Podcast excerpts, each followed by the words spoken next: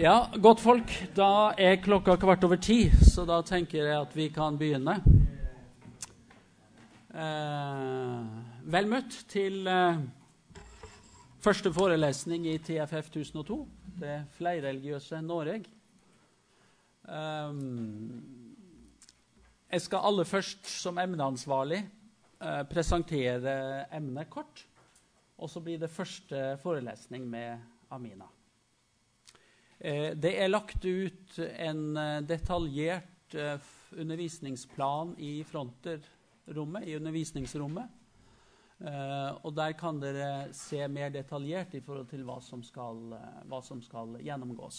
Jeg skal se litt på det etter hvert. vi har noen av lærerne som er på dette kurset med oss, men ikke alle. Vi er en del som skal undervise på dette emnet. Eh, jeg har jo presentert meg tidligere for dere, men jeg heter da fremdeles Hallgeir Elstad. Eh, og er da emneansvarlig for dette emnet. Så det betyr at hvis det er noe når det gjelder dette emnet, så er det meg dere primært skal ha kontakt med. Eller gruppelærerne eventuelt. Og gruppelærerne og delvis også forelesere i kurset er her. Det er Amina, og så er det Markus. Så Amina har første forelesning nå, og hun skal også forelese islam for dere. Så kommer eh, Notto Telle inn og skal ha undervisninga i nyreligiøsitet og i buddhisme. Også Gunnar Haaland skal ha jødedom. Og jeg skal ha religionssosiologi og kristendoms, nyere kristendomshistorie.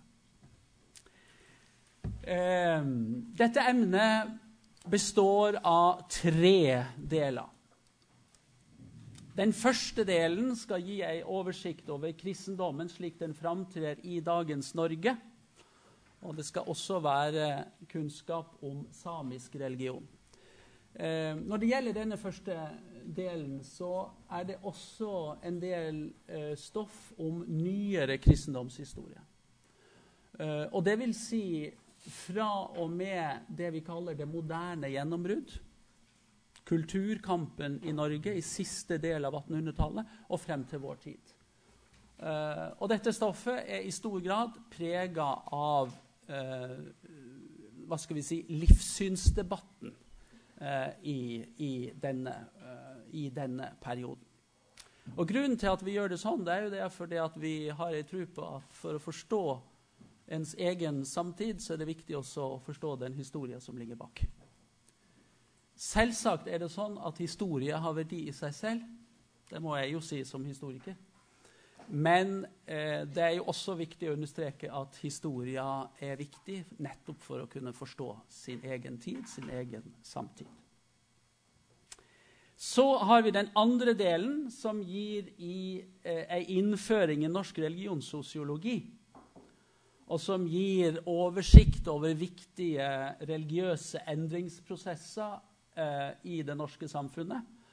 Eh, det faktum at vårt norske samfunn i stadig økende grad blir mer eh, religiøst mangfoldig eller pluralistisk.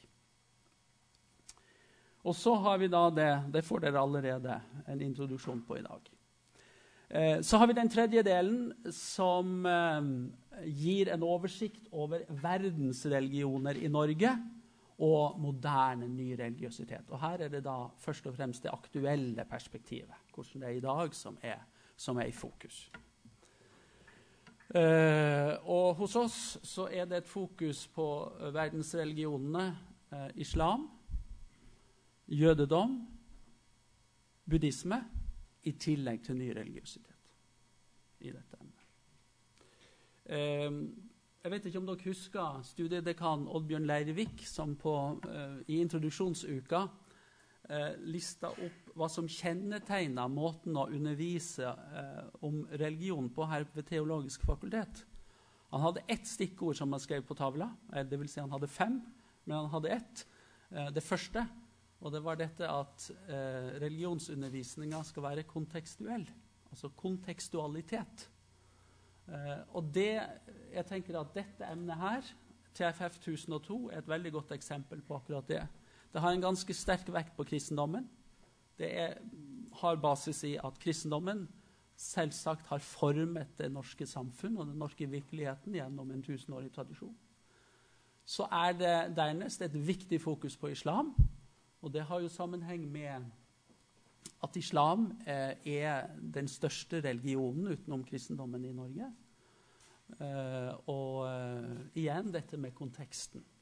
Og så kommer det av nyreligiositeten som, eh, som selvsagt eh, har blitt stadig viktigere eh, med, ti, med, årene. Og så har vi et fokus på buddhisme, som også etter hvert har fått ganske mange tilhengere også i det norske samfunnet. Så det er altså et fokus på kontekstualitet. Så ser dere Dette er da det jeg har oppe her, det er emnesida til TFF eh, 1002. Og jeg regner med at de fleste vet hvordan de finner fram til emnesidene.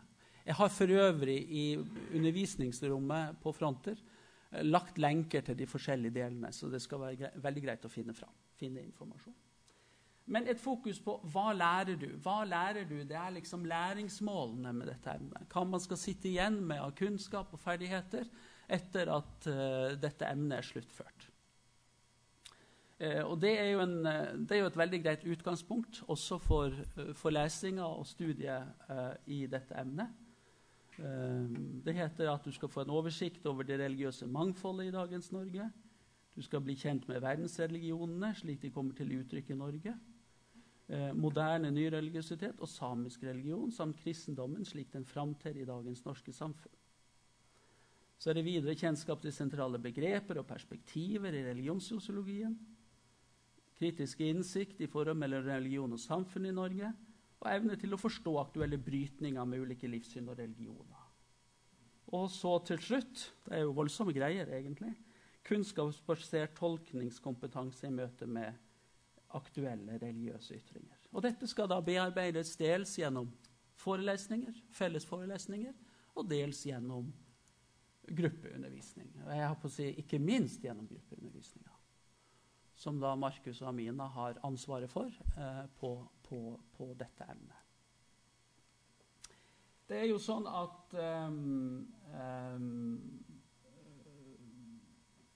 Det er to obligatoriske skriftlige arbeidskrav uh, som ligger til grunn i dette emnet. Det ene er innlegg eller muntlig presentasjon Um, hvor man tar opp et tema for en forelesning eller fra pensum eller noe, og, og legger fram det.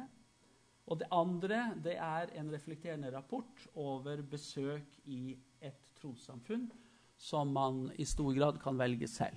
Detaljene rundt det det vil Markus og Amina fortelle når gruppeundervisninger begynner rundt månedsskiftet eh, august-september. Uh, og dette med den der observasjonen, observasjonsrapporten, det er jo et spennende grep.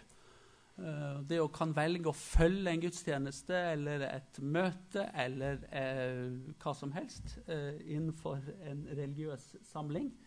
Og hva skal en se etter? og, hva, og hva, hva, hva, ser en? Hva observerer man? Det er jo en egen metodikk knytta til det, og i den forbindelse så får dere også en innføring i denne typen observasjonsmetodikk. Nettopp hva skal en se etter, hva er viktig å se etter, og hvordan framstille det. Så det, det, hører til de to arbeidskravene. Det, fra min side her nå, det er veldig kort presentert, men dere får det mye mer eh, detaljert eh, framlagt i, i, gruppene. Gruppeundervisninga vil også inneholde en gang med såkalt skrive, skrivekurs, eller oppgavekurs. Uh, og det er det Markus som er ansvarlig for. Uh, det vil dere også komme tilbake til når gruppeundervisninga er i gang.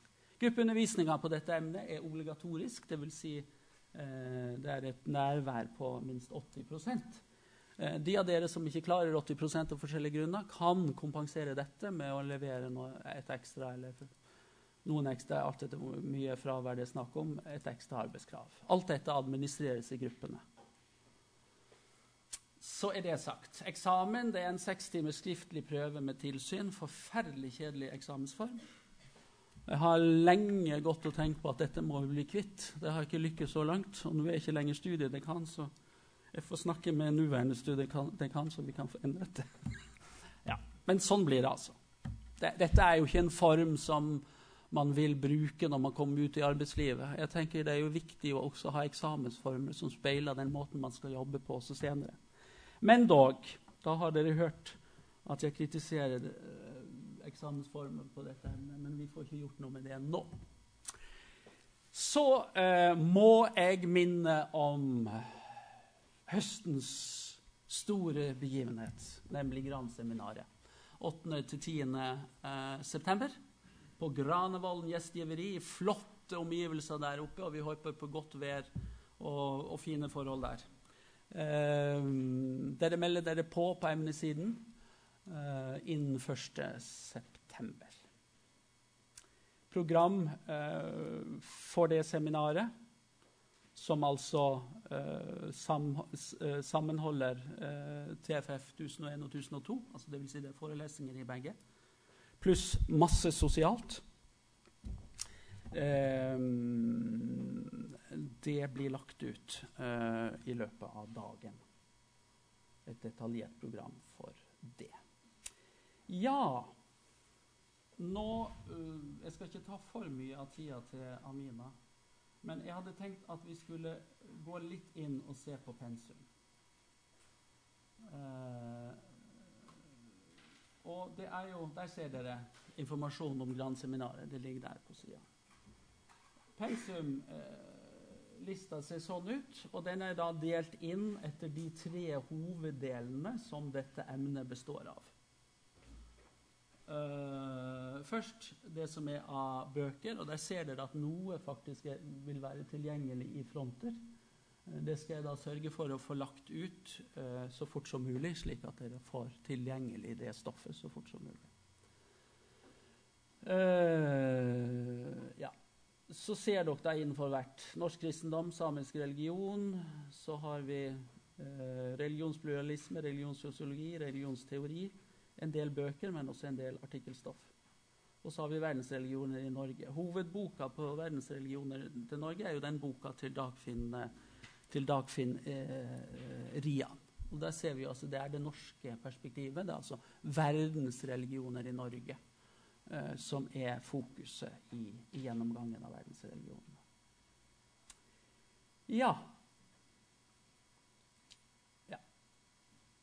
Er det noen spørsmål til pensum og dette så langt? Nå vil sikkert hver enkelt foreleser eh, ta, si litt mer grundigere om det for hvert sitt, eh, sitt, område. Jeg kan jo, siden det ikke er noen spørsmål vidt jeg registrerer, eh, så kan, inn, kan, vi jo gå inn og se på den detaljerte undervisningsplanen. Skal vi se. Den ligger altså her.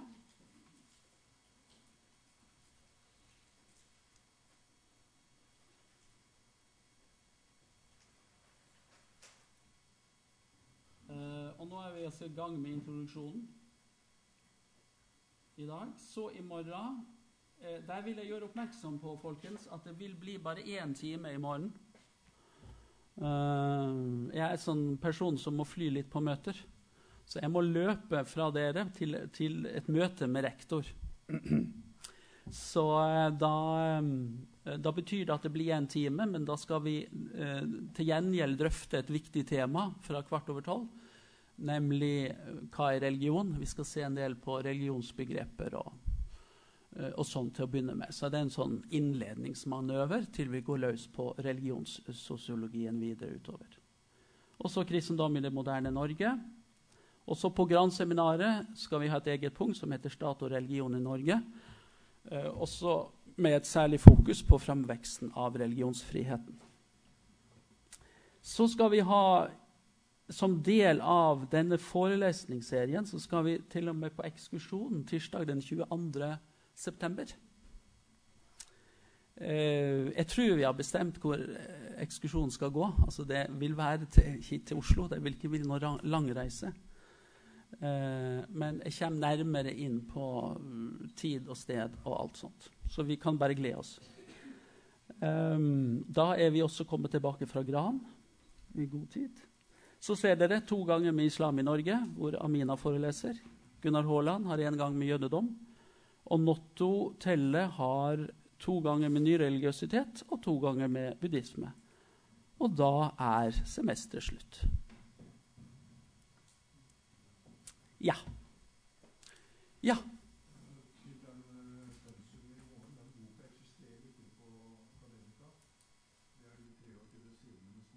Ja. Øh, den skal jeg legge ut som dere får det i fulltekst.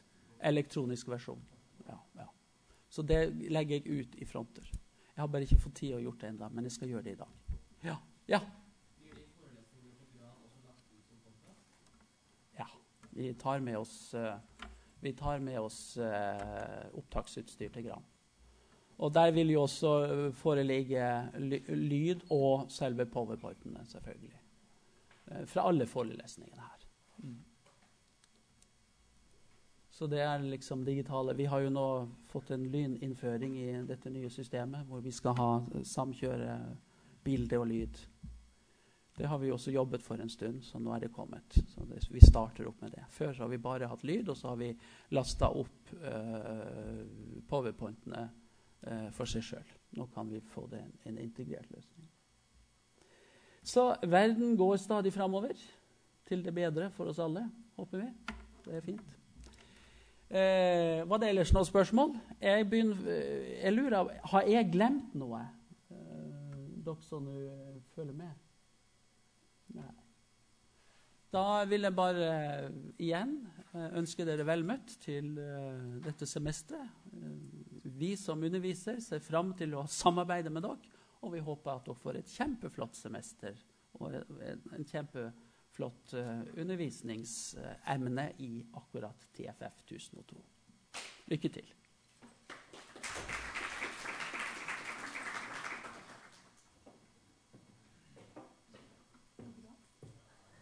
Ja, og da, er, da får Amina overta scenen. Ja, skal vi se. Har du med den her?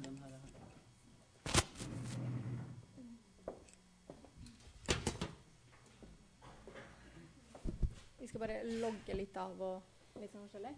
Ja.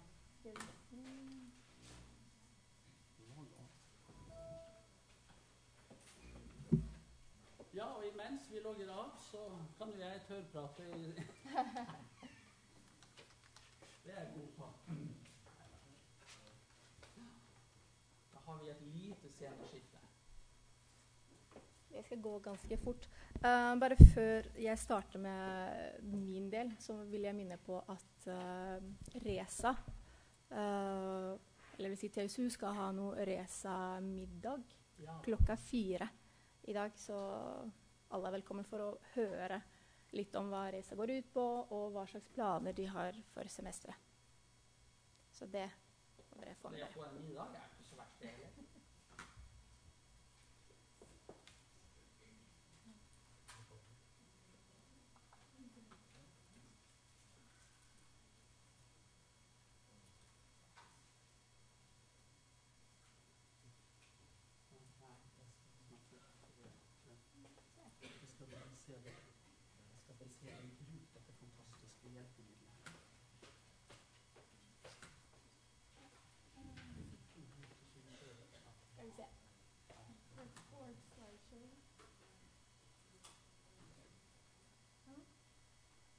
Ok.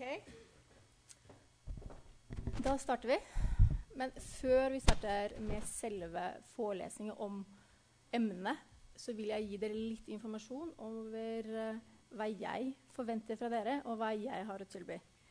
Uh, jeg gjør dette i og med at jeg har tre av undervisningsgruppene. Og det er greit å bare få ut den informasjonen med en gang til alle sammen. Temaoversikt vi skal gå gjennom, er religionsproblematisme og religionssosiologi, som allerede er blitt nevnt. Nyere norsk kristendom, samisk religion, verdens religioner i Norge og nyere elektrisitet. Og undervisningsplanen er 16 forelesninger pluss undervisning i grupper. Og selvfølgelig Gran. Gran er veldig viktig. Hallgeir Elstad skal ha religionssosiologi og kristendom. Gunnar skal ha jødedom. Jeg skal ha religionspluralisme og islam i Norge. Ikke islam generelt, men islam i Norge. Og Notto skal ha nyreligiøsitet og buddhisme. Dette er bøkene som uh, skal benyttes i bilder. Det er veldig enkelt å ha bildene for seg når dere skal ut og handle på Akademika, fordi det er ganske kaotisk der. Og i dag så jobber vi med denne boka her. Eller i hvert fall første to kapitlene av denne. Vi går ikke gjennom hele boka, fordi det har vi ikke tid til. Uh, men i hvert fall første to kapitlene. Ja. Skal alle Dette blir jo lagt ut. Men det er greit å ha bildene. Jeg sleit selv med å finne pensumsbøkene, så det er greit å vite hvordan de ser ut. Kan vi gå videre? Supert. Så hvordan jobber vi framover? Uh, jeg er i bunn utdanna som lærer og har jobbet uh, som lektor i Oslo-skolen på videregående. Så jeg er veldig merka av uh, den tiden der. så det kan hende at til tider så foreleser jeg som en lærer. Hvis det ikke passer dere, så må dere si fra. Hvis jeg blir altfor si, detaljert og ikke tar det på høyt nok nivå, så må dere gi meg beskjed. Men jeg prøver å forklare begreper og ord vi bruker, sånn at dere har best mulig sjanse for å forstå hva vi jobber med. Og dermed gjør vi det slik. Vi har forelesninger for å få overblikk. Ergo vi går ikke gjennom pensumet detaljert. Dere får ikke sidetall som dere skal lese. Dere har selv ansvaret til å få en sånn noenlunde oversikt. Hvis dere ikke har tid til å lese alle sidene uh, i bøkene før forelesninger, så bare bla gjennom det. Se på overskrifter. Se i innholdsfortegnelsen som dere har noen knagger. Sånn at når dere kommer til en forelesning, så vet dere i hvert fall hva vi skal jobbe med. Når det gjelder undervisning, så er det litt annerledes. Jeg har da tre av gruppene. Uh, det står RESA-studenter, men jeg regner med det er en del lektorstudenter der også. Og Markus skal ha teologistudentene. Så det er noe forskjell i undervisningen i disse gruppene, men ikke mye. Det jeg forventer, er at folk kommer forberedt og har lest. Og da holder det på en måte ikke å bare ha sett på overskrifter, men faktisk å ha lest. Skumles, om ikke annet. Fordi vi har som sagt ikke tid til å bruke veldig mye av undervisningstida til å lese tekster. Det er masse vi skal gå gjennom. Og i tillegg til pensumet som er satt opp, så kommer jeg til å ta med meg avisartikler og litt sånn forskjellig for å bygge opp under sakene, cases som vi skal jobbe med. Da får dere virkelig se relevansen av det vi jobber med i hverdagen. Og Gran som jeg regner alle har meldt seg opp på. Det er jo veldig viktig. Der går vi gjennom masse forskjellig for å få en sånn flying start på semesteret. Og ikke minst for at dere skal bli bedre kjent med hverandre. Uh, det å bli bedre kjent er veldig viktig fordi Markus og jeg vi har snakket om kollokviegrupper, dvs. Si lesesirkler, som vi vil at dere skal være med i. Så I første omgang så deler vi bare kjapt opp uh, gruppene i undervisningen. Og hvis de gruppene ikke funker, så finner dere deres egne. Men det er veldig viktig at dere snakker sammen rundt pensumet og alt på en måte som foregår på studiet. Det er til deres egen nytte. Og selvfølgelig så er jo vi her for uh, å hjelpe dere. Men hvis det er noen problemer av hva som helst, så må dere snakke med oss. Også veldig viktig hvis noe må tilrettelegges, så må vi få beskjed om det. Uh, det er ikke sikkert uh, det funker hvis dere bare forteller det til administrasjonen. Det er bedre hvis dere snakker med oss to direkte. Da klarer vi på en måte å ta tak i det selv. Um, observasjonsrapporten som ble nevnt, det her er også veldig viktig. Uh, dere skal ikke i dag finne ut dere skal, hvem dere skal observere. Men poenget er at dere skal sette i gang tankeprosessen rundt det. Kan dere høre meg når jeg står så langt fra? Supert, for det er litt sånn dette skal legges fram individuelt. dere skal ikke jobbe med dette i grupper, men individuelt, i en av de siste undervisningstimene. Så dere vil få hele semesteret på dere, men dere må begynne å tenke hvem ønsker jeg å observere. Uh, tanken er at dere skal inn i miljøer som er ukjente for dere, for å lære mest mulig. Og bli utfordra, rett og slett. Uh, dere velger selv trosforum, eller hva det skulle være. Men vi kommer med forslag. Så det, hvis dere ikke vet, så kan vi hjelpe dere med det. Men dette her er obligatorisk. Og innføring i hvordan uh, observeringen skal gjennomføres, det vil Markus stå for. Så det kommer mer informasjon etterpå. Men viktig, sett i gang tankeprosess. Snakk med hverandre. Hva kan være aktuelt for dere?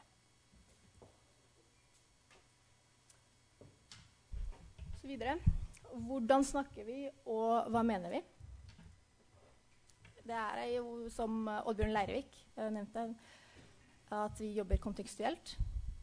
Det er veldig viktig å ha med seg. For da snakker vi om de forskjellige religionene ut fra et norsk ståsted. Jeg jobber med islam på dette emnet. Det er ikke det jeg gjør til vanlig. Uh, jeg jobber med islam til vanlig, men ikke i en norsk kontekst. Så da, det er veldig viktig for dere også å se den, det, det, skillet der. Uh, og vi skal bruke begreper og kategorier fra religionssosiologi og sosialantropologi. Det er liksom de to områdene vi jobber mest med. Uh, ikke så mye teologi. Det vil kanskje bli gjort mer av i uh, undervisning for teologigruppa. Um, og begreper som f.eks. folkereligiositet, normativ religion, plurale identiteter osv. Det er bl.a. noen av begrepene vi kommer til å jobbe med. Og som dere sikkert husker fra videregående, så er jo dette her utenfra perspektiv. Også hvis dere har uh, bok fra Hva heter faget nå? Uh, det heter jo vel RLE. Uh, så kan dere bla gjennom den. Der står det veldig mye av det vi skal gå gjennom. Bare friske opp minnet. Så hva er religionssosiologi?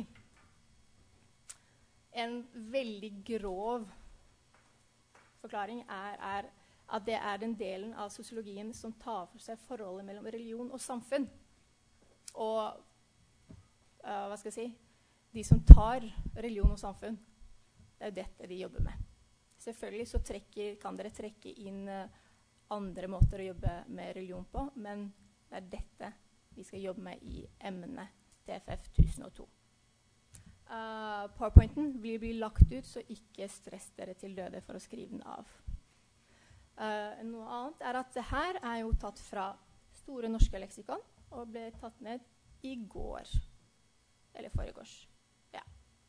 Så tips, veldig viktig, ha med kilder. Vi starter å innføre det her strengt med en gang. Kilder skal være med og dato hvis det er nettkilder. Okay? Så hvis dere vil, så går dere bare på Store norske og taster inn religionssosiologi, så får dere den her. Sosialantropologi, som er den andre delen, uh, er studiet av hvordan vi mennesker i andre land og her i Norge tenker og handler. Uh, noen kaller det for etnologi. Det er liksom hvordan vi organiserer vår tilværelse, og hvordan vi bygger våre samfunn. Den her er fra SOSANT, dvs. Si et emne på HF. Liksom forklaringen de har på hva sosialantropologi er. Så da, Religionssosiologi og SOSANT det er det, det feltet vi skal bevege oss innenfor. Så denne boka her starter vel med å dele religion i tre nivåer. Religion som personlig tro og livssyn som er individnivå. Religion som trossamfunn, organisasjonsnivå. Og religion som kulturarv og kollektiv identitet, som er da samfunnsnivået. Som jeg sa, I tillegg så har vi da mediert religion, religion i media og sosiale medier, som vi også kommer til å jobbe med. Uh, også hvis dere selv har noen artikler som dere har lest noen steder, så vil, er jeg hjertelig takknemlig hvis dere har det med. For det er alltid spennende uh, om dere har lest noe som dere vil dele med andre. Så da starter vi. Trender i det nye religiøse Norge. Det er da Oddbjørn har satt opp fire trender. Skal jeg bare snu litt på det her. Selvfølgelig norsk kristendom, nasjonal religion og folkekirke. Eh, konsoliderende humanetikk, voksende nyrøysitet og voksende og stadig mer mangfoldig innvandrerreligion. Så disse fire uh, speiler egentlig uh, hele emnet. Hvis dere ser på undervisningsrekkene og beskrivelsen av emnet, så er det jo en speiling av den boka her.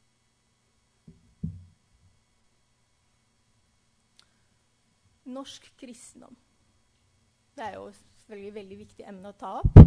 Og det er jo det emnet eh, som kommer til å behandle mest her. Men når vi sier norsk kristendom, hva mener vi egentlig? Er norsk kristendom det samme i dag som det var for 20 år siden? 10 år siden? 5 år siden? Det er store endringer også innenfor norsk kristendom. Så vi har da gått fra nasjonalreligion til verdier og folkekirke. Hvis dere leser avisartikler, så kommer det ofte fram at Norge er bygd på kristne verdier. Og den norske kirken er en folkekirke. Det er liksom to begreper som stadig kommer igjen og igjen. Men hva betyr det at Norge er bygd på kristne verdier?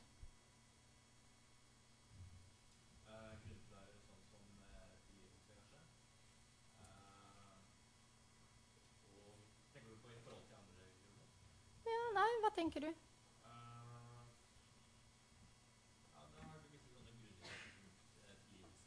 Mm.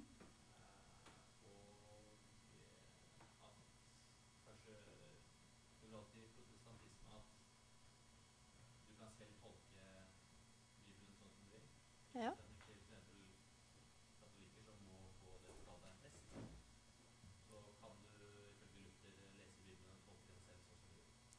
Kanskje ikke sånn som du vil, men at du har større frihet til å bevege deg. Og disse tankene har ført til visse ideer om religionsfrihet, tolkningsfrihet, menneskerettigheter osv. osv.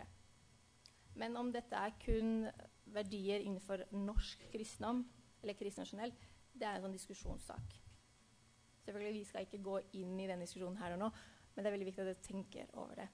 Når vi leser ting, hva er det vi faktisk leser? Hva tenkte forfatteren, og hva får jeg ut av det her? Så vi hadde jo da en revidert grunnlov i 2012. Vi gikk fra den evangelisk-lutherske religion som statsreligion, statens offentlige religion, til verdigrunnlaget er den kristne og humanistiske arv. Så det er stor endring. Fra en statsreligion så ble kristendommen en del av verdigrunnlaget i Norge sammen med den humanistiske arv. Og Den norske kirke gikk fra å være statens offentlige religion til å bli folkekirke. Det er jo en stor endring. Hvorfor dette skjer, det kan dere spørre Hallgeir om. Det vet jeg ikke. Selvfølgelig, Det er jo endringer i det norske samfunnet som har ført til det, men sånne detaljer det må jeg ta meg opp med ham. I tillegg til at det har vært endringer i Grunnloven, så får vi jo endringer i uh, hvordan religion blir undervist i skolen. Og vi hadde en generell læreplan i 93 hvor den kristne tro og tradisjon utgjør en dyp strøm i vår historie. Igjen en arv som forener oss som folk på tvers av trosretninger. Så er det så spennende at kristendommen er en arv som forener oss som folk på tvers av trosretninger. Hvordan kan kristendommen forene mennesker på tvers av trosretninger? Har du noen tanker rundt det? Hva mente de med det? Slike spørsmål skal vi jobbe med i undervisning. Det vil få en tekst, og så jobber vi med hva står egentlig her. Så vi kommer tilbake til den, akkurat dette på et senere tidspunkt. Men hintet er at her har man et spesielt bilde av hva kristendommen er som religion.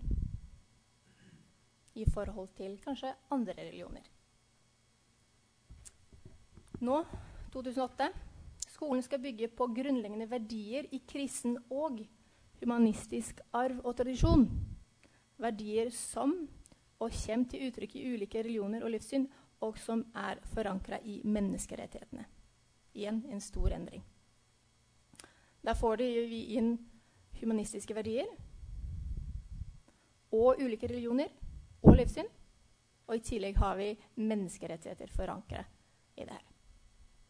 Så det er liksom stadig så skjer det endringer i hvordan vi oppfatter religion, hvordan vi oppfatter kristendom, og hvordan vi oppfatter andre religioner.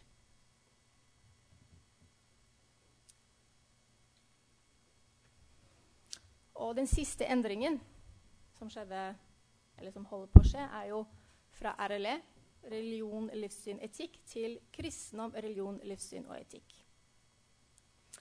Og Kunnskapsministeren sa at kristendommen spiller en svært viktig rolle i norsk historie og kultur. Og vi mener det er derfor naturlig at kristendommen også får noe større plass i religionsundervisningen i skolen. Vi, men i neste setning så forteller hun at det er egentlig kommer det ikke til å bli noe endring i hvordan vi underviser. Det er kun navnet som skifter. Så fra RLE går vi til, over til kristendom, religion, livssyn, etikk. Så kristendommen, som stadig har hatt en utpreget rolle i religionsfaget Man skal undervise over 50% så får det også det i navnet. Men så er spørsmålet er det forskjell på kristendom og religion. Er ikke kristendom en religion? Det kan dere snakke med Hallgeir i morgen, for da skal dere se på begreper, religionsbegreper. Så det er liksom veldig viktig at man tenker over hva slags fag får vi nå? Hva slags tanker har vi over religioner, og hva slags tanker har vi om kristendom? Så norsk kristendom anno 2014, folkekirken. Det er fortsatt statsfinansiert kirke, men mange vil si takk og lov, så får også andre trossamfunn støtte fra staten. Så sånn sett er det rettferdig. I andre land så har man ikke uh, støtte fra staten. Der må medlemmene selv holde opp trossamfunnet.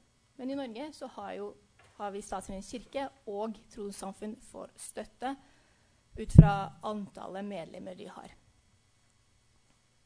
Men uh, det som har skjedd i Norge den siste tiden, er at folk bruker Kirken når det er behov for det. Og når har man mest behov for det? Er det hver søndag? Hver fredag? Nei. De det er det vanlige begravelse, høytider, dåp, konfirmasjon. Det er da kirken er full. Ellers av tiden så er det ganske få som deltar i gudstjenestene. Om dette er spesielt norsk Det er litt sånn både ja og nei. Er det spesielt luthersk, i og med at du ikke trenger en prest? Kanskje? Igjen ting som vi kommer til å snakke videre med. Men når vi spør en vanlig person på gata hvilken religion eller hvilken trosarv tilhører du, så vil veldig mange si at de er kristne. De er en kristen trosarv.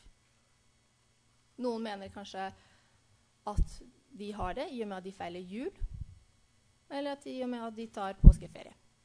Det varierer litt hva folk legger i det.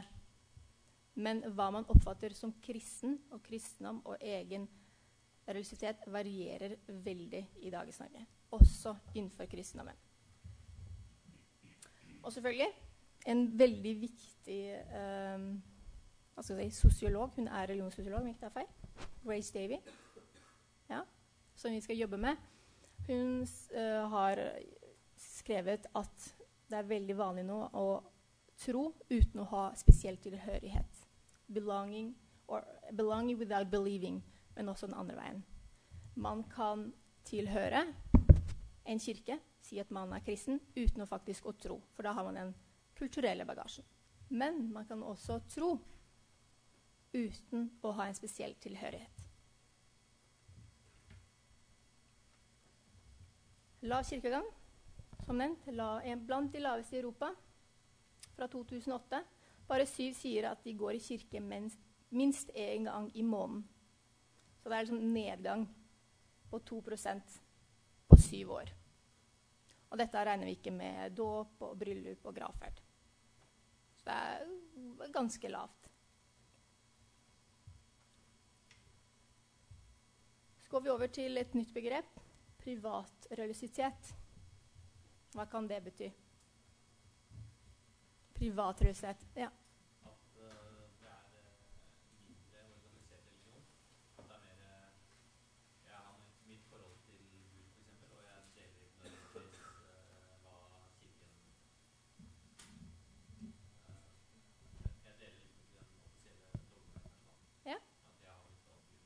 Du har ditt forhold til Gud. Det er liksom Og så føler man seg kanskje ikke at man føler kanskje ikke at man har noe til felles med de som kanskje er veldig aktive i et mm. samfunn. Og da føler man hvis det er litt sånn på siden ja. man har eller religion i sitt hjem, men ikke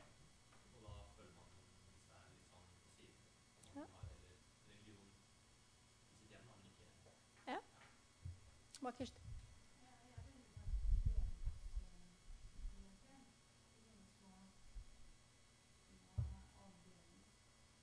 På hvilken måte blir det privat? Ikke, ikke en dårlig tanke, bare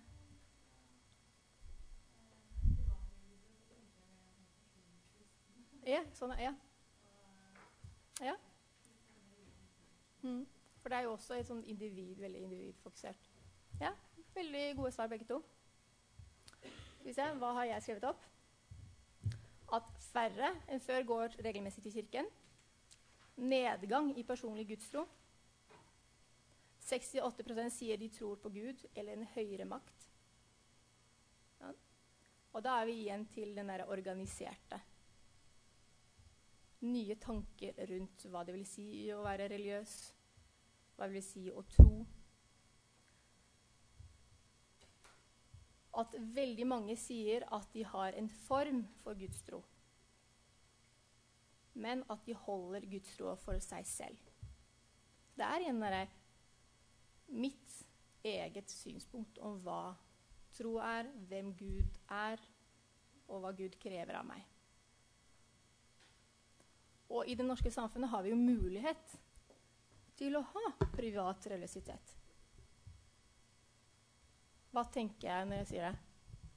Hvorfor har vi den muligheten i det norske samfunn å ha noe som heter privat religiøsitet?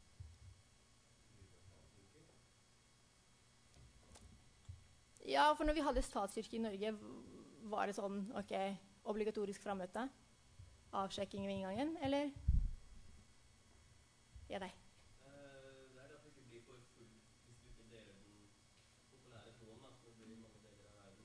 Ja. Og du sa? Ja. Trosfrihet. Men også at man da ikke blir forfulgt. Man kan selv på en måte bevege seg innenfor tro og religion som man selv ønsker. Hadde du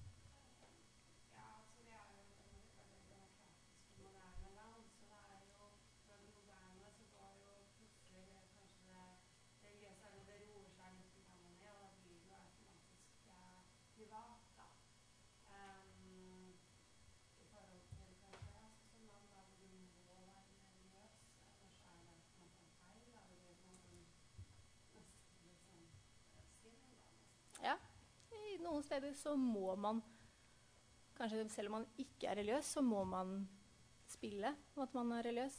Og da er man religiøs for å tilfredsstille de ytre kravene. I Norge er vi så heldige at vi ikke trenger å tenke på hva naboen mener om jeg går til kirka eller ikke. Det er mitt private også.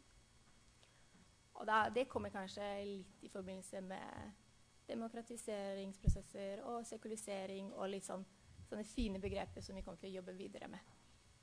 I og med at vi har en innføring i dag, så går vi kjapt gjennom visse ting for at dere skal få en, en, en smakebit av hva er det vi kommer til å jobbe med. Det, vi har jo allerede nevnt at det ikke er så sterk tro. Stadig færre tror uten tvil. Og mange søker til nyreligiøsitet. Men de forblir i den kristne boksen de er kanskje fortsatt medlemmer av Den norske kirken, men velger å bevege seg i andre retninger. Har jo noen gode eksempler på det. Søke til nyreligiøsitet uten å melde seg ut av kirken. Markus, har du noen eksempler på det? En veldig, veldig kjent person i Norge. En gang til. Ja. Vi har jo boka hennes på, på pensum. Hun er jo Det er veldig mye engler, engleskole og diverse ting. Men hun beveger seg innenfor feltet nyreligiøsitet og kristendom samtidig. Det er altså veldig spennende. Dette kommer Nototellet til å ta for seg.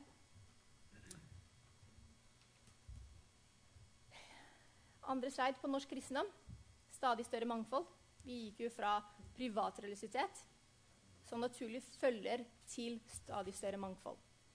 I og med at man har mulighet til å velge selv, så får vi jo større mangfold. Det er en selvfølge. Så her har vi uh, bilde fra uh, to menn med sterke påstander at vi, har, eller, vi er kommet for å vekke dere. Har dere hørt noe sånt noe før? Vekke. Vekkelse. I hvilken forbindelse? De som nikker. Ja? Ja, men jeg har sett blant annet det har vært gatepredikanter fra USA. Mm. Eh, ikke bare gatepredikanter, men også misjonerende misjonere. Ja. Som kommer for å liksom, eh, redde oss fra eller eh, liksom, vekke troen i oss. da. Fordi de mener at i Europa så har man kanskje glemt troen sin. Man har blitt eh, villet til å djevelen hva som helst. Og så kommer de for oss å ja, vekke bokstavelig talt. Vekke troen i oss. Hva kan man vekke noen som er allerede troende, men bare privat? Hvem er, hva, hva slags type kristendom ønsker de? De som prøver på det her. Ja. Eh, Som regel mer eh? Mer bokstavtro, kanskje? Mer tro på at det fins en eh, djevel som aktivt prøver å korruptere mennesker, og det fins en gud som kan gripe inn, Mm. kurere sykdom Ja. Det er det teologiske aspektet, men i og med at vi har veldig mange troende som ikke er organisert, så ønsker de da mer sånn. Mm. Mer, eh, mer eh, møter der folk deltar. For jeg tenker eh, veldig sånn vekkelsesmøter, da. Det er gjerne sånn en liksom En kald utfart til, til bygda, liksom. Og liksom skape litt liv i forsamlingen. Eller sånn healing og, og den typen eh, ting, da. eh, som gjerne ikke forbinder med den eh, tradisjonelle norske kirka. Man organiserer mye mer. De har en spesiell idé, teologisk ståsted, som de ønsker å få folk med inn i. Ja. Ja, deg. Men da var de mormonere, de to? Nei, det, det her er vel en pinsemenighet fra Afrika et sted. Ja. Men eh, det er jo veldig mange forskjellige.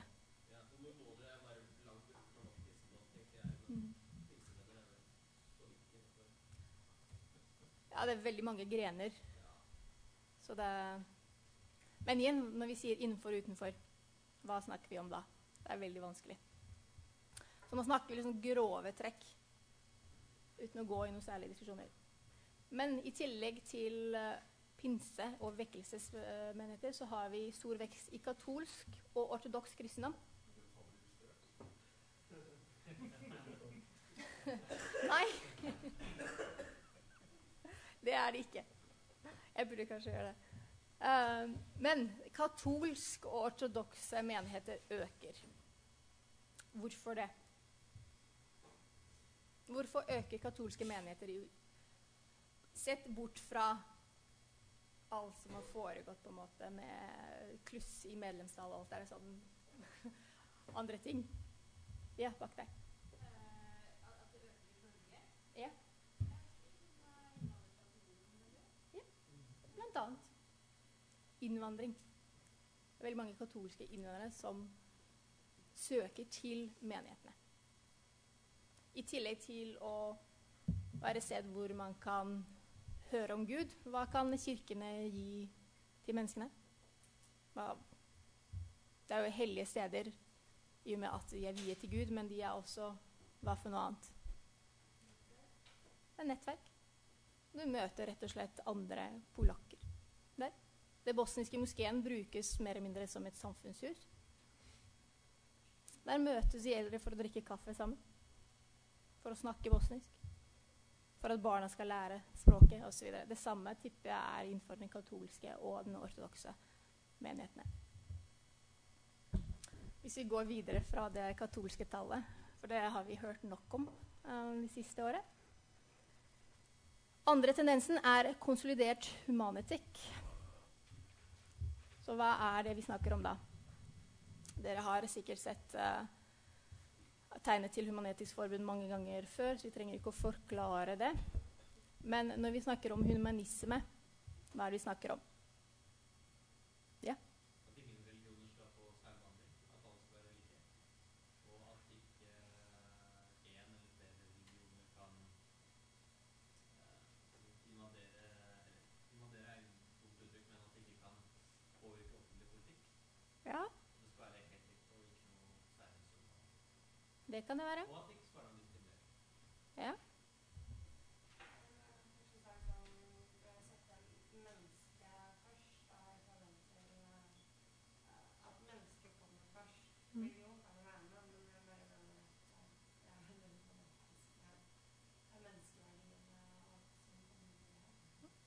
For Nå snakker dere om to forskjellige typer. Ja. Det kan være mye, ja.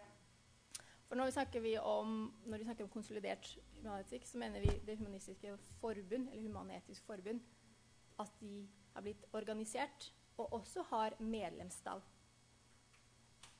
Så hvis vi husker tilbake til den um, verdien i Norge De har jo gått fra å være kun kristne til å være kristne og humanistiske. Så er, den humanistiske arven kommer jo fra denne fløyen, kan vi si. Men Det Human-Etisk Forbund de har jo økt sitt medlemstall fra 33 000 i 86 til 84 000 i 2013. Det er jo en ganske bra økning. Så kan vi snakke og diskutere om hvorfor dette har skjedd. Har det vært en reaksjon på innvandrerreligioner? Økende religiøsitet blant innvandrere? Eller ønsker man å ha et tilhørssted? Så veldig mange måter man kan forklare den økningen. tilhører den generasjonen som kanskje representerer den største delen av dem. Ja. Eh, Det som kjennetegnet eh, for oss som opplevde 60-tallet, 70-tallet, så har det litt grann med det at eh, alle har et behov for en form for etisk tilnærming, men man føler seg nok veldig, i veldig mange tilfeller, veldig satt utenfor det, det, det kirkelige eh, samfunn. Ikke minst fordi at man f.eks. når man var student på tidlig på 70-tallet, så begynte man som de første eh, å være samboere uten å ha et formelt ekteskap. Og jeg husker jo det i min egen vennekrets, hvor alvorlig det var når et vennepar av oss eh, plutselig hadde bodd sammen et år før de giftet seg. Da de ble kjent for respektive foreldre, så var det sjokk. Og dette var på 60-tallet? Det var eh, 72. 70-tallet? Ja. Og, men, men den identiteten, at man likevel har en etisk tilnærming, tror jeg var hovedårsaken til at humanismen har vokst. Som dessverre er en eh, som har blitt en konsekvens av den veksten, det er jo det at man på mange måter har blitt litt sånn nyreligiøs også i den organisasjonen, Mm. etter hvert som den har utviklet seg. Det nettopp disse tingene vi skal se også nærmere på, og noe som Oddbjørn tar for seg i denne boka her. For forbundet har jo nå uh, navndager og uh, borgerlig konfirmasjon, og på en måte de speiler det vi har i kirken. Og det tenker mange er det bra eller er det dårlig? Hvorfor skal vi ha navndag? Uh, hvis vi ikke er for Er det dåp det skal være? Er det, er det greit, eller er det ugreit? Så man har stadig diskusjoner også innenfor organisasjonene, som vi selvfølgelig ikke får alltid innsikt i. Men poenget er at det er ingen organisasjoner som ikke har bevegelse innad. Når vi snakker om forskjellige trossamfunn, så snakker vi berører vi så vidt hva som egentlig foregår der. Og når vi leser aviser, så berører vi absolutt så vidt hva det virkelige bildet er. Så vi må hele tida tenke hva er det vi leser, hvordan skal jeg forstå det, og hva er tanken bak det som er blitt skrevet. Tredje tendensen ja, Veksende, det er jo nynorsk, men eh, voksende nyreligiøsitet. Og igjen er vi tilbake til det private, til individet. Fra gururørelser til ny folkereligiøsitet. Uh, alle har vel hørt om gururørelser. Jeg vet at dere har hatt det på videregående. Men nå har jo på en måte India ikke bare opphavet til gururørelser. Nå har vi veldig mye fra USA også, som omhandler mer selvutvikling. Det er liksom selvutvikling som er den nye folkereligiositeten. Det er drøssevis av bøker på det.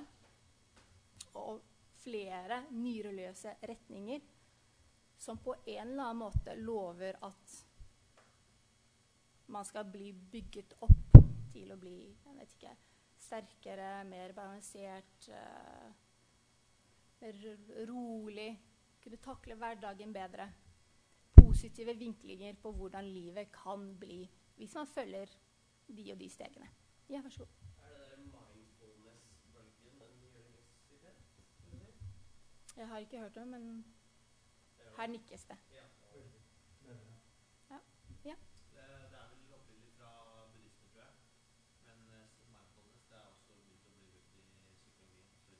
Ja, teknikk. Mm. Og da snakker vi når vi sier i en ikke-religiøs kontekst. Liksom, hva er, kan vi si at nyreligiøsitet er religiøsitet når det ikke er snakk om Gud? Så alt det her er jo veldig Hva skal jeg si? Nyansene er så fine. Hva er det vi snakker om? Hva er det vi prøver å fortelle? Så må vi hele tida tenke på ikke bare den norske konteksten, men også fagområdet og hva vi prøver å si. Så det kan hende at jeg tråkker på tærne her og der, men det er ikke med vilje. Uh, fordi det er så mye man skal hele tida drive og tenke på. Man, man skal jo kanskje ikke være altfor politisk korrekt, men uh, et begrep som i seg selv inneholder veldig mye. Men vi må tenke når vi leser og når vi snakker, hva er det vi egentlig holder på med. Men i tillegg til å være nyreligiøse, så har vi en sånn skille mellom åndelig og ikke-religiøs. Det er jo en ny kategori. Og så er det at Holistisk forbund, som vi skal se litt eh, nærmere på, skiller mellom åndelig og, åndelighet og religion. Og står for et udogmatisk åndelig livssyn. Så her er liksom tre begreper man kan se nærmere på. Hva betyr å være udogmatisk, hva betyr åndelig, og hva betyr livssyn? Og hva betyr det når vi setter dem sammen? For det er jo munnfull. Det er jo ikke så enkelt å forstå hva menes egentlig at, er, at de står for et udogmatisk åndelig livssyn. For hvis vi ser på neste bilde, så er det bl.a.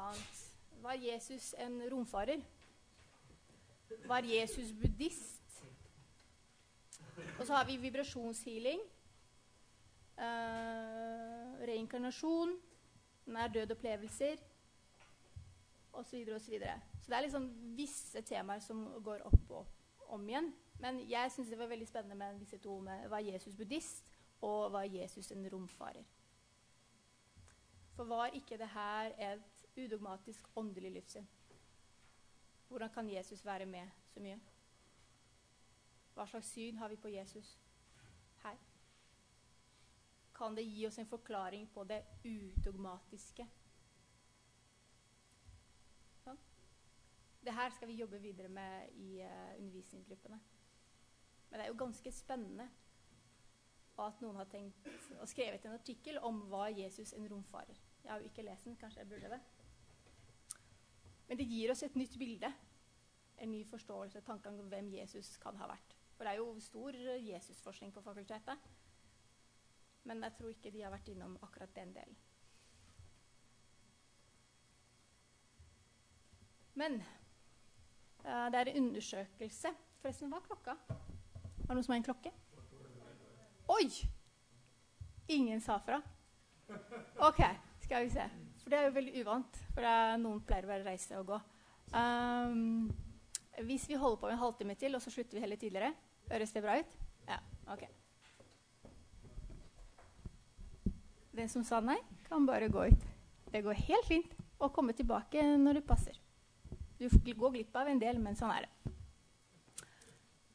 Så møter i det flerkulturelle. Det er en uh, undersøkelse med ungdom på 15 til 17 år, gjennomført i 2006, hvor de så på tro.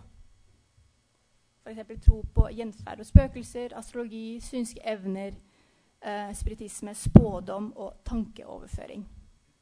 Og det er klar forskjell på jenter og gutter. Jenter har tendens til å tro mer på det. Nå snakker vi om en gruppe ungdom som er mellom 15 og 17 år. Igjen, hva forteller en sånn undersøkelse oss?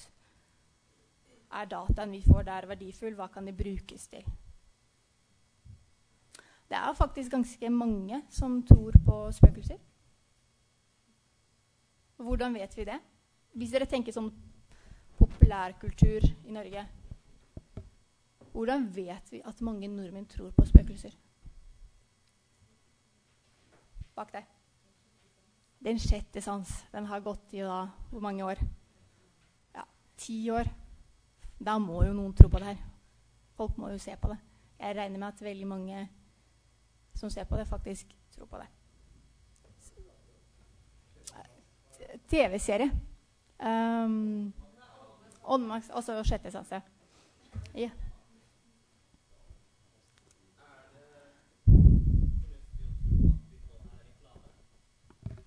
Hva tenker du litt lave?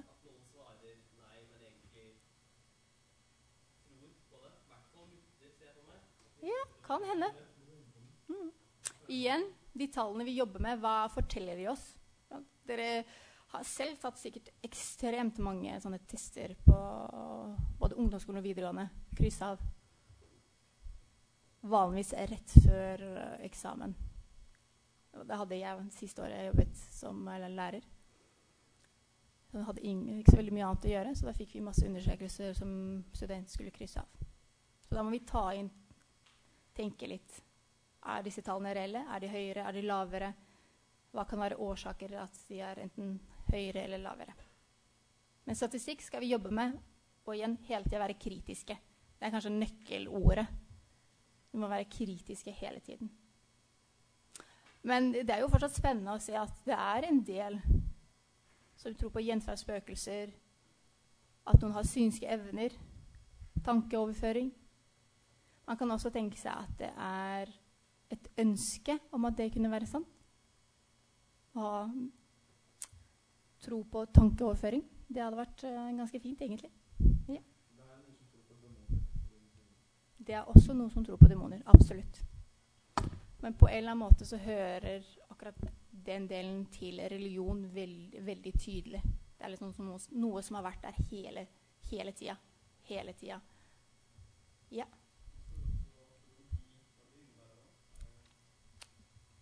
Skal vi se om vi har noe her. uh, uh, uh. Stjernene forteller meg et eller annet. I et bredere begrep så ja, det tror jeg kanskje. Men igjen, hva, hva vil det si å tro på aliens? Er Gud en alien? Er ikke det også ganske spasa? Ja.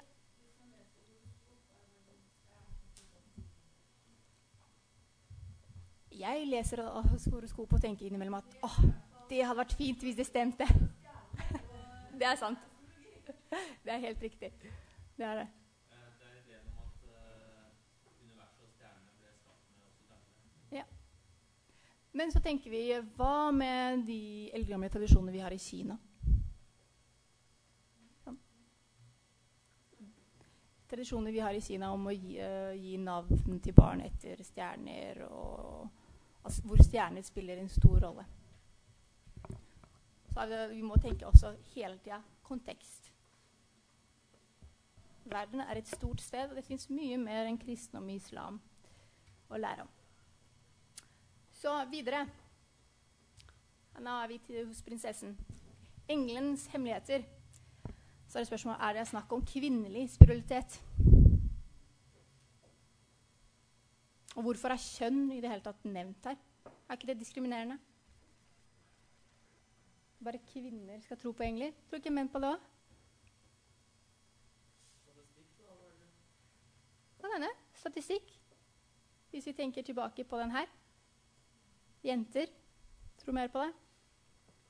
Var det noen andre ting? Ja.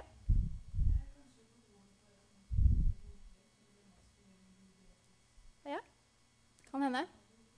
Litt mykere. Um, fjær, englefjær som uh, faller ned fra himmelen. Det har jeg hørt om. Men det er i hvert fall noe som tiltrekker seg masse oppmerksomhet. Jeg er ikke sikker på hvor mange tilhengere det har nå. Det er noe vi kan kanskje undersøke.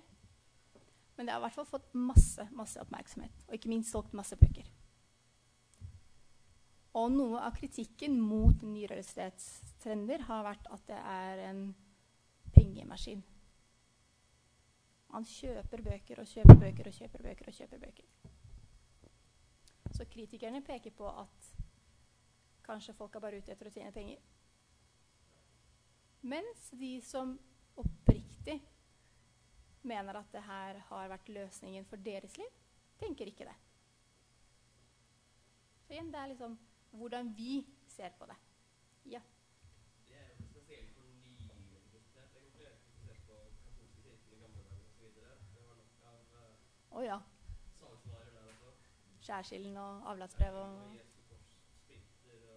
og Ja, det er sant.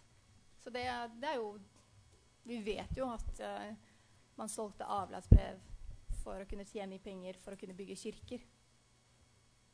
Så det Og hvis man støtter å bygge kirker, så får man jo noen plusspoeng. Så i seg selv så er jo ikke det galt. Sånn dogmatisk, kanskje. Men i dag tenker vi litt annerledes på det. I en kontekst. Eh.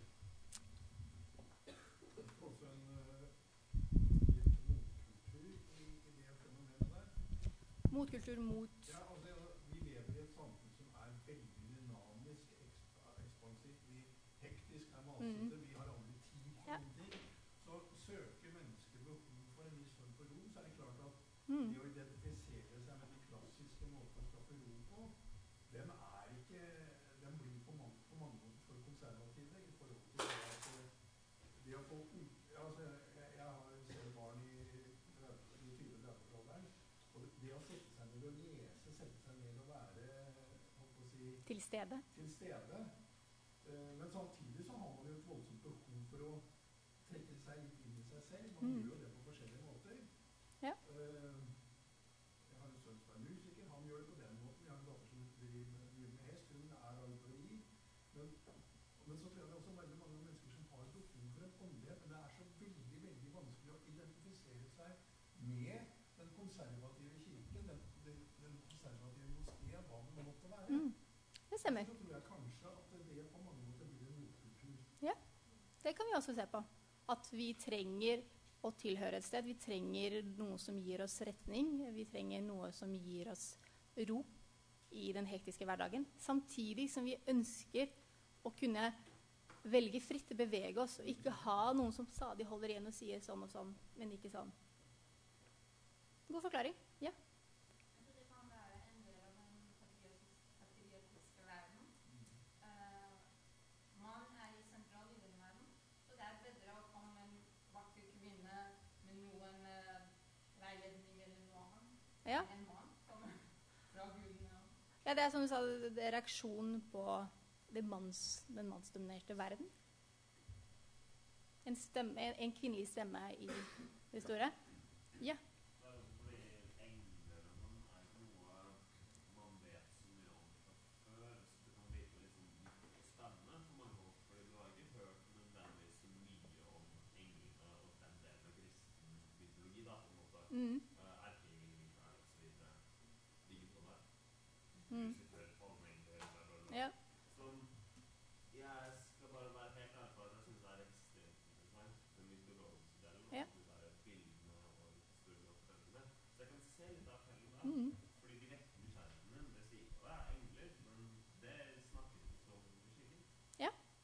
Være. Ja.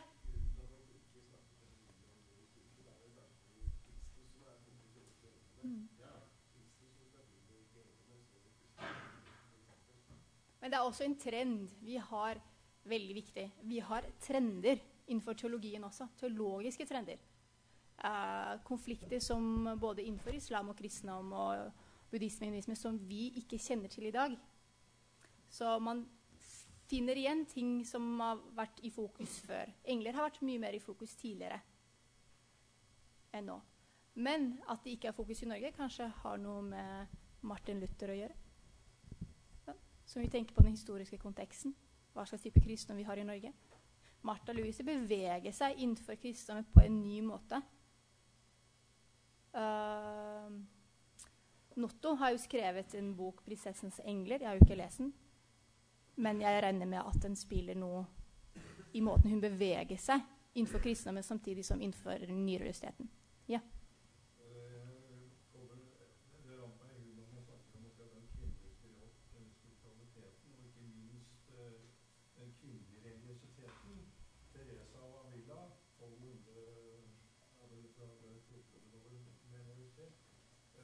Hun var jo på mange måter en, en som ga den katolske kirke en betydelig løft på den kvinnelige delen.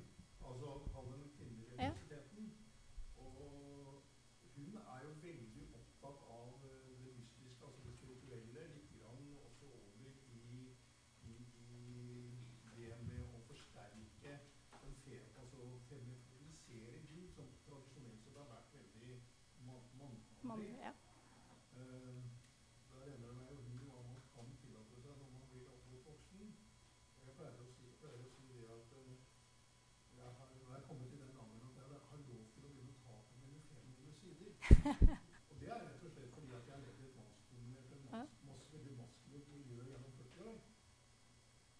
Og nå er det tid for endring. Ja, det er det også. Godt, Da går vi videre til Jeg tror vi trekker bare stikker innom innvandrerreligioner før vi avslutter for dagen. Medlemstall. Igjen tall som jeg ikke Jeg kom ikke på å dobbeltsjekke det, men uh, godt innspill. Over 120 000 i Norge. Muslimer også 120. Buddhister 16 000 i de forskjellige menighetene, da. Ortodokse kristne 11 hinduer 6000, sikher 3000 medlemmer og bahaier 1000. Og jøder 800. Nå snakker vi om medlemstall. For selvfølgelig Vi har jo mange flere muslimer i Norge enn 120 000. Men nå snakker vi om medlemmer innenfor de forskjellige trosgruppene. Shia-muslimer, Ahmadiyya, sunni. Og da inndelingen i de forskjellige moskeene. Muslimer i Norge. Da er vi tilbake til muslimsk bakgrunn og medlem av islamsk organisasjon. 1980 10 000. 8000 var medlemmer. 1990 38 000. 19 000 var medlemmer. 2012 220 000. 121 000 medlemmer. Så tallet på muslimer i Norge har økt samtidig som at medlemstallet har økt. For nå er vi liksom oppe i 55% Hva kan det være en indikasjon på? Penger. Hvorfor penger?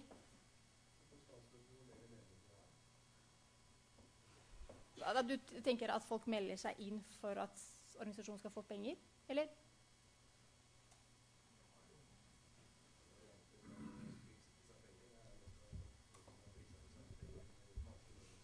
Ja.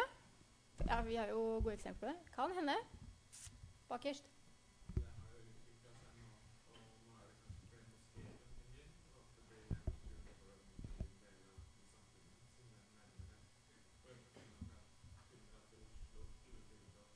Er er. Mm, det er faktisk også veldig god forklaring, eller altså en av forklaringene, at det har blitt flere moskeer. Flere miljøer man kan velge mellom. Ja. Eh, Man har også blitt mer eh, bevisst på sin religion. Hvorfor har man blitt mer bevisst på sin religion? Nei, jeg leste at etter jeg tror 11. september så ble alle mer bevisst på religionen. Ja, det er noen unnskyld som tyder på det. At man har gått for å se inn i si, kildene, for å se stemmer min tolkning av religion med det som har skjedd. da har også fått en større plass i, sam, altså i media, i offentlig debatt. Ja. som de ikke hadde før. Jeg husker i hvert fall ikke noe av det enn fra når jeg var tenåring. Liksom, Det fantes ikke problemstillinger, det var ingen som diskuterte det. Så 2011 er jo eller 9-11 er jo liksom den store. I så har jo utviklingen vært det at man startet i, man går tilbake til 80-tallet med arbeidsinnvandring, Mhm. hvor menn reiste hit alene. Etter hvert så har man altså trukket familiene på og kommet etter. Familiegjenforening osv. Ja. Det kan også være helt andre ting. Altså, eller at man har blitt mer familie... Altså det islamske Norge er i dag mye mer familiær, Ja. familisert enn det det var på 1980-tallet. Det gjør jo selvfølgelig at man har større behov for å ha Mm. sine religiøse symboler og sine religiøse steder. Helt riktig. Så nå har vi jo liksom gode argumenter for hvorfor det er ja. Det er jo også mange som har konvertert. En del konvertitter, ja. Det er det. Morgenbladet hadde en fantastisk uh, artikkel om konvertitter i Norge.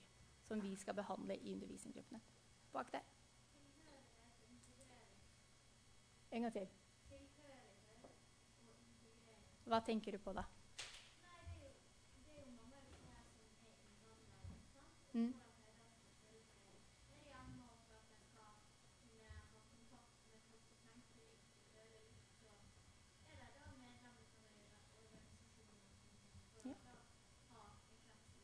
Ja, som vi nevnte, den katolske kirken eller den bosniske museum. Da har man også religion pluss det sosiale aspektet. Siste. Jeg tror også det er en bevissthetsprosess, eh, i og med at det, det er mer altså det er mer bevissthet rundt ting. da. Når man eh, står sammen i et samfunn eh, ved siden av en annen kultur, Ja. hvor det er store forskjeller, så blir man jo eh, mer bevisst på sin egen kultur og sin egen religion. ikke sant? Så det er vel kanskje flere muslimer som har blitt eh, bevisste over sin egen identitet identitet og religion, og det har kanskje blitt viktigere for dem å være medlem av eh, av et, eh, en organisasjon. Absolutt. Blant annet så nevner Oddbjørn Lærvik han stiller et spørsmål hvem er jeg i møte med andre. Et veldig viktig spørsmål. Hva gjør møtet med andre med meg? Hvilken retning går jeg? Det kan føre til økte tall. Det kan føre til at folk velger å trekke seg ut osv. Vi har liksom veldig mange argumenter. Så det gjelder å se hva som passer best i hvilken situasjon. Hva er klokka?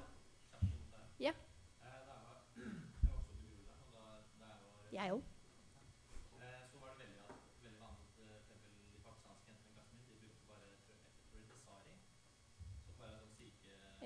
Mm. Jeg nok ikke akkurat den diskusjonen er nok ikke nasjonal sånn sett. Det, sånn- det pakistanske tradisjonelle drakta er fortsatt Jeg tenker på det at, at man har blitt mer bevisst. At man kanskje har gått over fra sari til eh, hijab. Det vet jeg faktisk ikke. Eh, jeg har aldri tenkt over det. Har du hørt om noen undersøkelser på det? Jeg har ikke hørt noen undersøkelser, men jeg tror du har.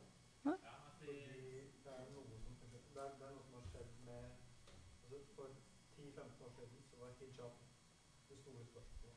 Skal vi tillate hijab i skolen? I dag er niqab spørsmålet, og hijab virker som en det Ikke. Ja. Eh, eh, mistenker, men det er bare på ren hukommelse, det er ikke noe undersøkelse. Mm. Eh, det- Jeg ser betydelig flere hijaber i bymiljøet i Oslo. Eh, og også markant flere selv om det fremdeles er få. Men samtidig så klarer man til og med se forskjeller. eh, hvordan sløret brukes, hvilken nasjonalitet. For når det gjelder muslimer i Norge, så kan vi se Ja, vi stopper her. Så kan vi jo se at det er klare etniske og nasjonale skiller. Vi har en albansk moské, vi har en bosnisk, vi har marokkansk, vi har somalisk. Det er forskjellige nasjonaliteter. Uh, og hvis dere leste i Aftenposten, så var det en, et intervju med flere imamer fra uh, Oslo-moskeene. Hvor det var spørsmål om misjonering. Deres syn på det, og hva de mente. Uh, og den bosniske, eh, en av de bosniske imamene i Oslo han sa at vi misjonerer ikke. Vi er en bosnisk moské, og bosniske muslimer er muslimer allerede. Altså, han har et spesifikt kontekstuelt syn. Bosniske moskeer misjonerer ikke, for bosniere vet at de er der hvis de trengs. Andre moskeer misjonerer for å få konvertitter. Eller driver med vekkelsesmøter. Men bildet er veldig klart at det er nasjonale skiller. Når det gjelder det teologiske skillene, så er det jo en annen ting igjen.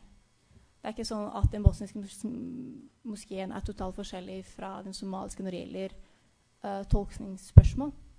Der har vi igjen da fra imam til imam til individ til individ. Men det kan dere lese om i boka uh, 'De religiøse lederne'. Det er en veldig god bok hvis dere vil ha litt innsikt i spørsmålet rundt imamer. Ja.